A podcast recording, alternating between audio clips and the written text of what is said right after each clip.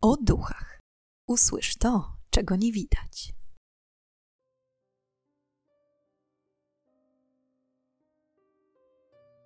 Witam i pytam, czego dusza pragnie. Strasznie miło mi gościć Was na moim kanale.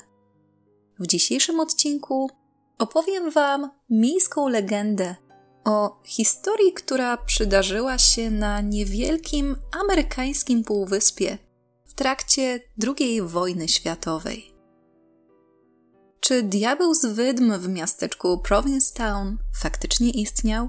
Czy był to wyłącznie efekt zbiorowej paniki, albo po prostu nieśmieszny żart jednego z mieszkańców? Na wstępie chciałam Wam podziękować za wszystkie subskrypcje, komentarze i postawione wirtualne kawy. Niezmiernie się cieszę, że podobają Wam się moje odcinki i aż ciężko mi uwierzyć, że kanał istnieje już od dwóch lat. Szybko zleciał mi ten czas. Dziękuję i już nie przedłużając, zapraszam do wysłuchania dzisiejszej historii. Był rok 1940, kiedy w niewielkim miasteczku Provincetown na półwyspie Cape Cod w Massachusetts rozegrała się wielka tragedia. P-Town, jak nazywali je miejscowi, od zawsze uważane było za spokojne, senne miasteczko, pełne domków jednorodzinnych i latarni morskich, ciągnących się wzdłuż wybrzeża. Tak było do czasu. Czternastoletni Joey Janard mieszkał w jednym z domków wraz ze swoją rodziną. Rodzicami i młodszym rodzeństwem. O rok młodszym Louisem, o dwa lata młodszym Allenem i trzy lata młodszą Elinor. Od około dwóch lat dzieciaki w okolicy straszyły siebie nawzajem legendą o tak zwanym diable z wydm, nazywanym także czasem Black Flash czy Phantom Flash. Miał to być duch o nadludzkiej sile, atakujący ludzi nocą. Był niewiarygodnie szybki i zwinny, potrafił skakać na duże wysokości, a wyglądem przypominał przerażający cień. Ale nie tylko dzieci bały się złego ducha. W 1940 roku wiele o nim mówili także starsi mieszkańcy, jak również rybacy portugalscy, którzy często dobijali do brzegów Cape Cod.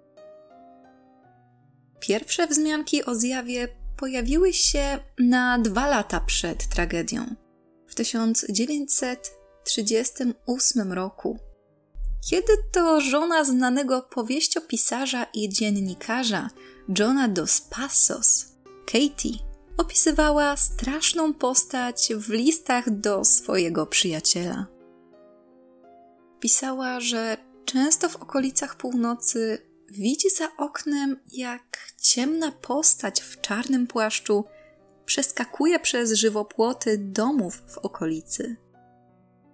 To świetny skoczek, mówiła, i określała go mianem przerażającego włóczęgi. Ale jeszcze wtedy niewiele osób zwracało uwagę na pojawienie się tajemniczej postaci. Mieszkańcy Provincetown mieli w tamtym momencie dużo ważniejsze sprawy na głowie.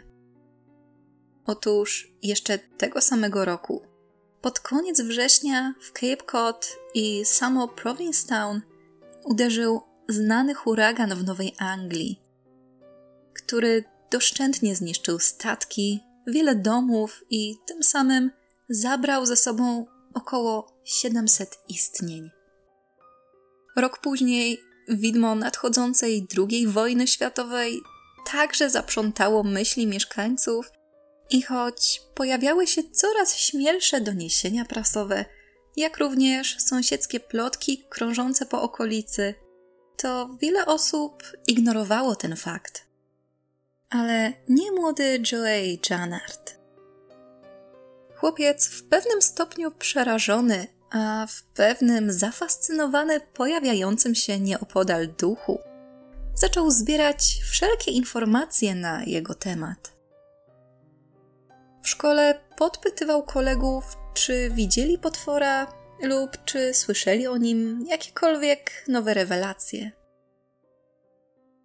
Gdy tylko spostrzegł w gazecie nawet najmniejszą wzmiankę o diable z wydm, wycinał ją i chował w segregatorze, który służył mu jako baza wiedzy na temat tajemniczego ducha.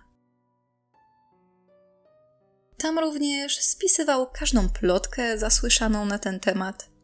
Zbierał obrazki rysowane przez świadków, a także informacje, jakie udało mu się usłyszeć między rozmowami dorosłych. Uważa się, że obsesja na punkcie ducha mogła być swego rodzaju ucieczką Joeya od problemów i lęków, jakie spadły w ostatnim czasie na jego rodzinę. Nie milkły echa huraganu, a na horyzoncie pojawiła się możliwość włączenia Stanów do wojny. Ojciec Joeya służył w Straży Przybrzeżnej, więc w każdej chwili mógł zostać wezwany do walki. Chłopiec kilkukrotnie prosił rodziców, ale i innych dorosłych, aby pomogli odnaleźć i rozprawić się z demonem nawiedzającym ich miasteczko.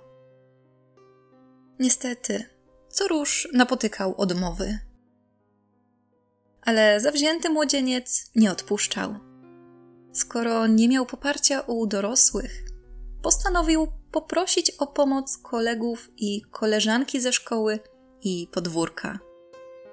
Tym oto sposobem w dość szybkim tempie udało mu się zwerbować 40 osób do swego rodzaju młodocianej straży sąsiedzkiej, nazwanej łowcami diabłów.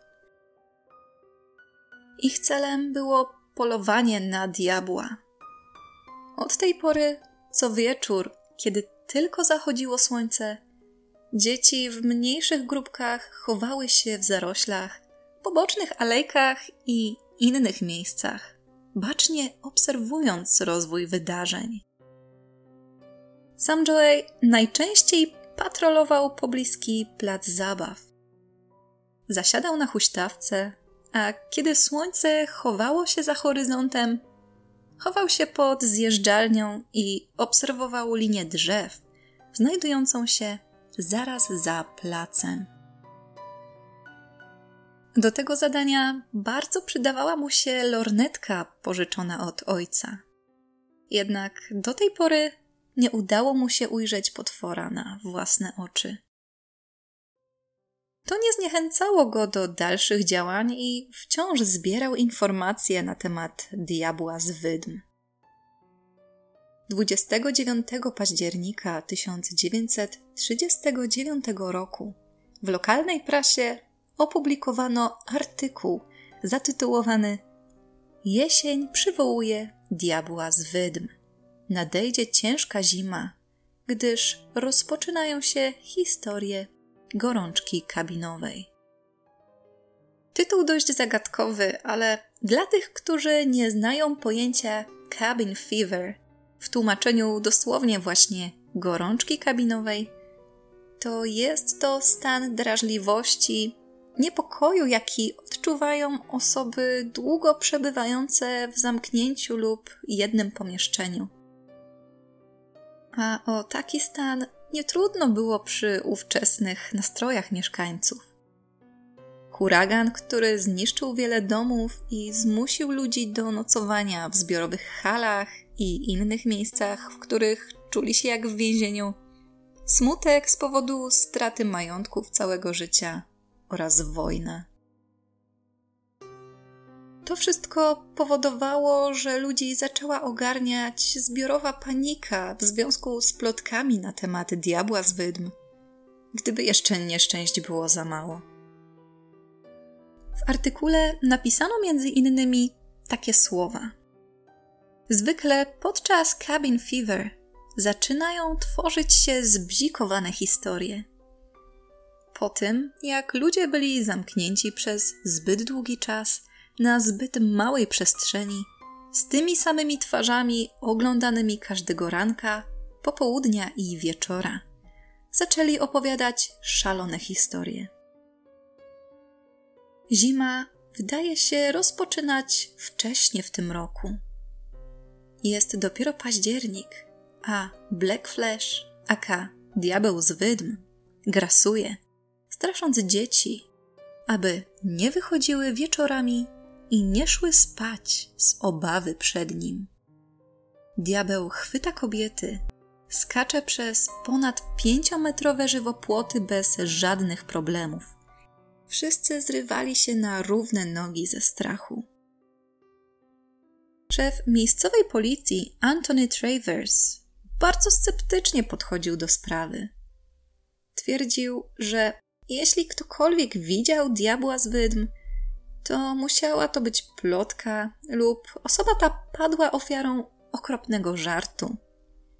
Twierdził także, że wielu młodych mężczyzn, chcąc rozładować napięcie spowodowane ostatnimi wydarzeniami, przechadzało się po okolicy w ciemnych płaszczach i niejednokrotnie z hełmami na głowie, aby zrobić żart sąsiadom. Wiele osób wierzyło w prawdziwość potwora z wydm. Miejscowy patrol łowców demonów nie zaprzestał poszukiwań. Joey przewodził grupą, planował trasy poszukiwań, skupiając się na miejscach najbardziej narażonych na atak Black Flash. Wszyscy dobrze wiedzieli, że preferuje on odludne miejsca, w których potencjalna ofiara jest sama i bezbronna. Dlatego też wiele uwagi poświęcali opuszczonym budynkom, farmom, wybrzeżu i skrajom lasu. I choć Joey wraz z towarzyszami skrupulatnie oznaczał miejsca ataków demona, szukał jakiegoś powtarzalnego wzoru czy innych wskazówek, nie uchroniło to jednej z pobliskich rodzin przed atakiem. Raz po raz duch wymykał im się poza kontrolowane tereny i tym razem było tak samo. Pewnego późnego wieczora Charles Farley, mieszkaniec Provincetown, przysypiał w swoim gabinecie nad stertą papierów, które musiał przejrzeć do pracy. Ledwo już widząc na oczy, nagle usłyszał krzyk swojej żony dochodzący z kuchni. Zerwał się na równe nogi i kiedy tylko dobiegł do pomieszczenia, zobaczył szczere przerażenie w oczach kobiety. Co się stało? zapytał. W odpowiedzi usłyszał, że zmywała naczynia, a kiedy wyjrzała przez okno znajdujące się tuż nad zlewem, ujrzała przerażającą postać, patrzącą wprost na nią, tuż za taflą szkła. Twarz była trupio blada i przerażająca. Charles nie wziął poważnie słów żony, myśląc, że ta pewnie ujrzała swoje odbicie w niewyraźnym świetle kuchennego żyrandola. Ale dla spokoju swojego i pani Fairley obiecał, że spatroluje podwórko i upewni się, że nikogo nie ma. Wziął więc strzelbę i latarkę i ruszył na poszukiwanie intruza. Było dość chłodno, para leciała z ust, a kiedy stąpał twardo po przydomowym trawniku, nic nie udawało mu się dostrzec. Dopóki nie doszedł do drewnianego płotu na tyłach domu. W tamtym miejscu stanął jak wryty. Wyraźnie widział, że tuż za płotem stała wysoka, zgarbiona postać. Pan Farley krzyknął, że nie życzy sobie nikogo o tej porze i że nieznajomy ma odejść. Ale ten w odpowiedzi tylko zaśmiał się złowieszczo. Co więcej, w tym momencie zaczął kroczyć w kierunku mężczyzny jednym zgrabnym ruchem przeskakując ogrodzenie. Charles wydał strzał ostrzegawczy, mówiąc, że zaraz będzie zmuszony użyć broni na intruzie. Ale ten dalej śmiał się w głos i szedł w stronę mężczyzny. Przerażony Charles strzelił do postaci. Raz, drugi, ale ta jakby nie robiła sobie nic z kul przenikających jej ciało. Kiedy postać zbliżyła się na około 7 metrów, nagle zniknęła. Pan Farley szybko wrócił do domu i pozasłaniał wszystkie okna i zaryglował drzwi, aby mieć pewność, że on i jego żona są bezpieczni. Następnego dnia mężczyzna złożył zawiadomienie na posterunku ku niezadowoleniu Traversa, który, jak wcześniej wspomniałam, nie był skłonny uwierzyć w ataki ducha, ale jako funkcjonariusz zobowiązany był przyjąć zgłoszenie. Nie trzeba było długo czekać, aż kolejna osoba stała się świadkiem spotkania z diabłem z wydm. Tym razem padło na Marię Kostę. Kobieta wracała wieczorem do domu po spotkaniu towarzyskim u jednego z sąsiadów. Droga do jej domu nie była długa. Sąsiad mieszkał zaledwie kilka domów dalej. Kiedy Mary zbliżała się już powoli do swojego domu, zerknęła na żywopłot, obok którego akurat przechodziła. W jednej chwili zamarła. Zobaczyła, jak z za żywopłotu spogląda na nią czarna, upiorna postać. Była wysoka, co najmniej na dwa metry. Miała szpiczaste uszy i czerwone, jakby płonące oczy. Po chwili potwór zaczął warczeć na kobietę. Ta z krzykiem rzuciła się w stronę swojego domu. Szybko wbiegła do środka i zamknęła za sobą drzwi. Była pewien, że potwór nie pobiegł jednak za nią, a został przy tym samym żywopłocie. Maria, podobnie jak pan Farley, kolejnego dnia wybrała się na posterunek, aby złożyć zawiadomienie o spotkaniu bestii. I był to tak naprawdę początek fali zgłoszeń, które początkowo docierały do komendanta Traversa z częstotliwością około jednego na tydzień, z czasem mnożąc się do jednego dziennie. W mieście już niemal wszyscy dyskutowali jedynie o potworze. Po zmroku próżno było szukać kogokolwiek na ulicach miasta. Ludzie zasłaniali okna, a na każdy, choćby najmniejszy hałas, reagowali gorączkowo. Joey Janard w dalszym ciągu zbierał informacje na temat nowych doniesień o diable z wydm. Jego teczka powoli zapełniała się po brzegi, a chłopak postawił sobie za punkt honoru walkę z diabłem w obronie własnej rodziny. W tamtym czasie, równolegle ze strachem związanym z duchem, rosła obawa o rozwijającą się drugą wojnę światową. Coraz więcej młodych mężczyzn wysyłano za granicę. W mieście odbudowywano straty po huraganie, brakowało żywności, a życie dzieci kręciło się między szkołą, ćwiczeniami obronnymi, a czekaniem na nieznane. Joey notował coraz to nowe, zasłyszane zewsząd plotki, a mniej więcej w tym samym czasie, w okolicach listopada 1940 roku, według wielu mieszkańców Provincetown, Black Flash zaczął podpalać budynki oraz różne miejsca w mieście.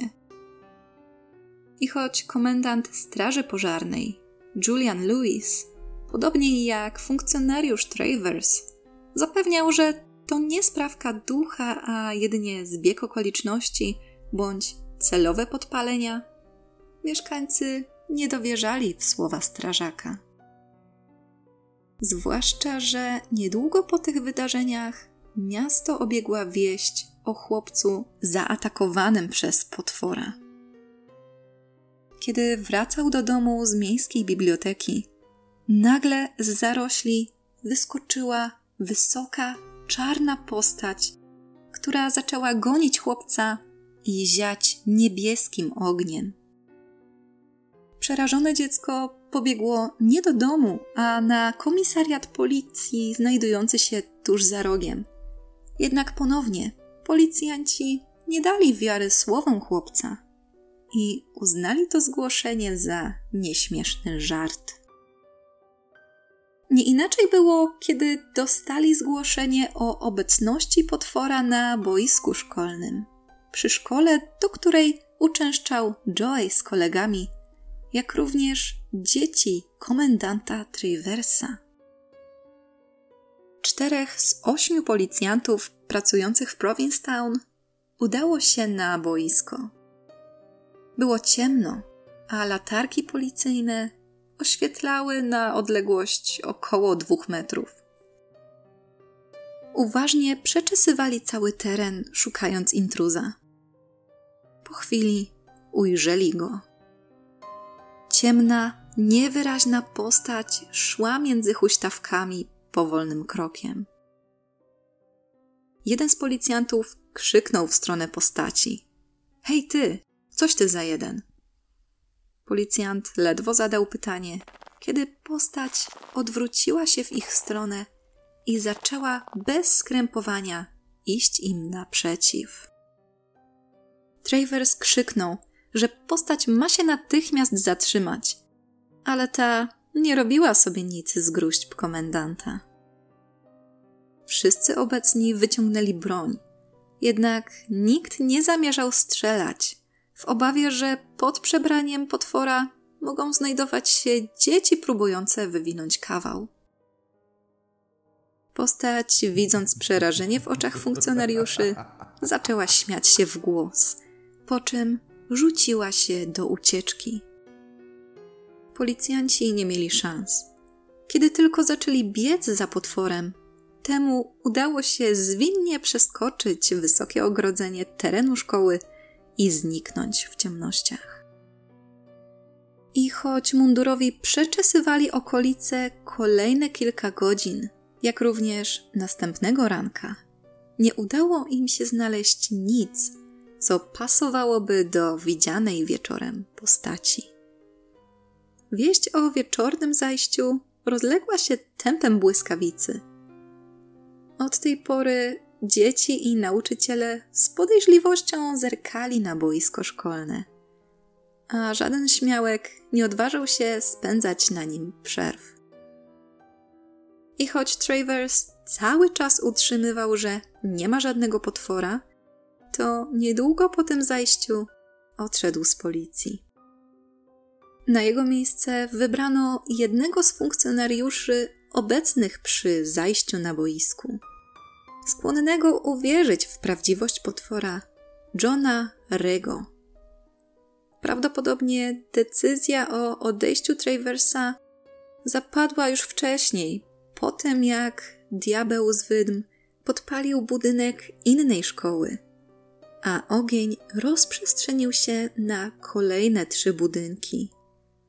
Wiele osób zarzekało się w tamtym czasie, że widziało czarną postać stojącą nieruchomo w zaroślach, tuż obok płonących budynków. I choć od ognia cała okolica była rozświetlona niczym w środku dnia, to ta jedna postać była całkowicie czarna. Tego było zbyt wiele. Nie dość, że na świecie szalała wojna, to jeszcze w mieście szalało coś lub ktoś, kto bardzo uprzykrzał życie mieszkańców Provincetown. W tamtym momencie nikt nie mógł wiedzieć, że okres władania diabła z wydm chylił się ku końcowi. Niedługo po tym, jak ojciec Joeya, Joseph Janard został wysłany za granicę, aby wziąć udział w wojnie, dzieci Janardów bawiły się samotnie w ogrodzie przed domem. Wszyscy mieszkańcy wiedzieli, że diabeł nie atakuje w ciągu dnia. Matka Joeya znajdowała się akurat poza domem. Nie wiadomo, gdzie dokładnie była. Czy w pracy, czy może na zakupach, albo u lekarza, czy też w innej sprawie. W każdym razie dzieci pozostały w tamtym momencie bez opieki. Nieświadome niczego rodzeństwo grało w berka, wygłupiało się, a śmiechom nie było końca. Do czasu. W pewnym momencie cała czwórka usłyszała jakiś szelest na tyłach domu. Joey, jako najstarszy brat, postanowił to sprawdzić. Kiedy tylko zajrzał za róg domu, jego oczom ukazał się on. Diabeł z wydm we własnej osobie. Szedł wolno i niemal skradał się, ale kiedy tylko zobaczył, że Joey mu się przygląda, warknął i zaczął się prostować. Przerażony Joey rzucił się biegiem w stronę rodzeństwa, a ci następnie ruszyli do drzwi wejściowych domu. Ledwo udało im się wbiec, kiedy spostrzegli, że potwór nie atakujący do tej pory domów, a jedynie straszący mieszkańców, dobija się do środka. Louis i Allen rozbiegli się po domu, aby pozamykać wszystkie okna i zaryglować tylne drzwi. I to był dobry ruch, ponieważ diabeł, posiadający najwyraźniej nadludzkie umiejętności, sprawił, że klamki w obu drzwiach zaczęły się ruszać, a w każdym oknie słychać było stukanie. Przerażone dzieci stanęły jak wryte. I choć Joey jak nigdy pragnął, aby w domu był tata, który obroniłby swoją rodzinę, wiedział, że jeśli nie ruszy się z miejsca, to potwór zaraz wejdzie do środka. Wszystkie informacje, które zbierał na temat potwora, cały segregator notatek, wywiadów, plotek, wszystko wydawało się w tym momencie bezużyteczne.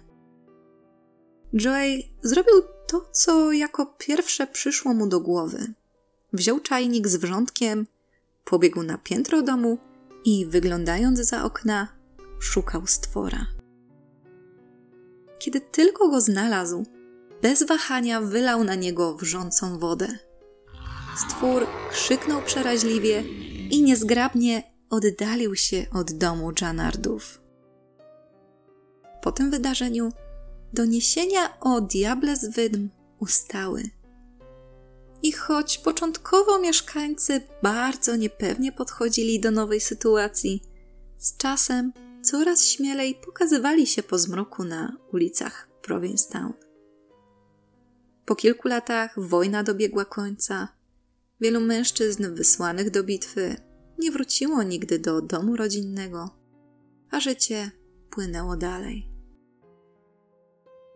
I choć po zeznaniu Joeya i jego rodzeństwa dotyczącego ataku potwora, wiele osób zaczęło wierzyć, że cała sytuacja była wielką mistyfikacją, a owy potwór był człowiekiem, który po oparzeniu wrzącą wodą postanowił usunąć się w cień, to nikt po tym wydarzeniu nie widział osoby z wyraźnymi, świeżymi poparzeniami na skórze.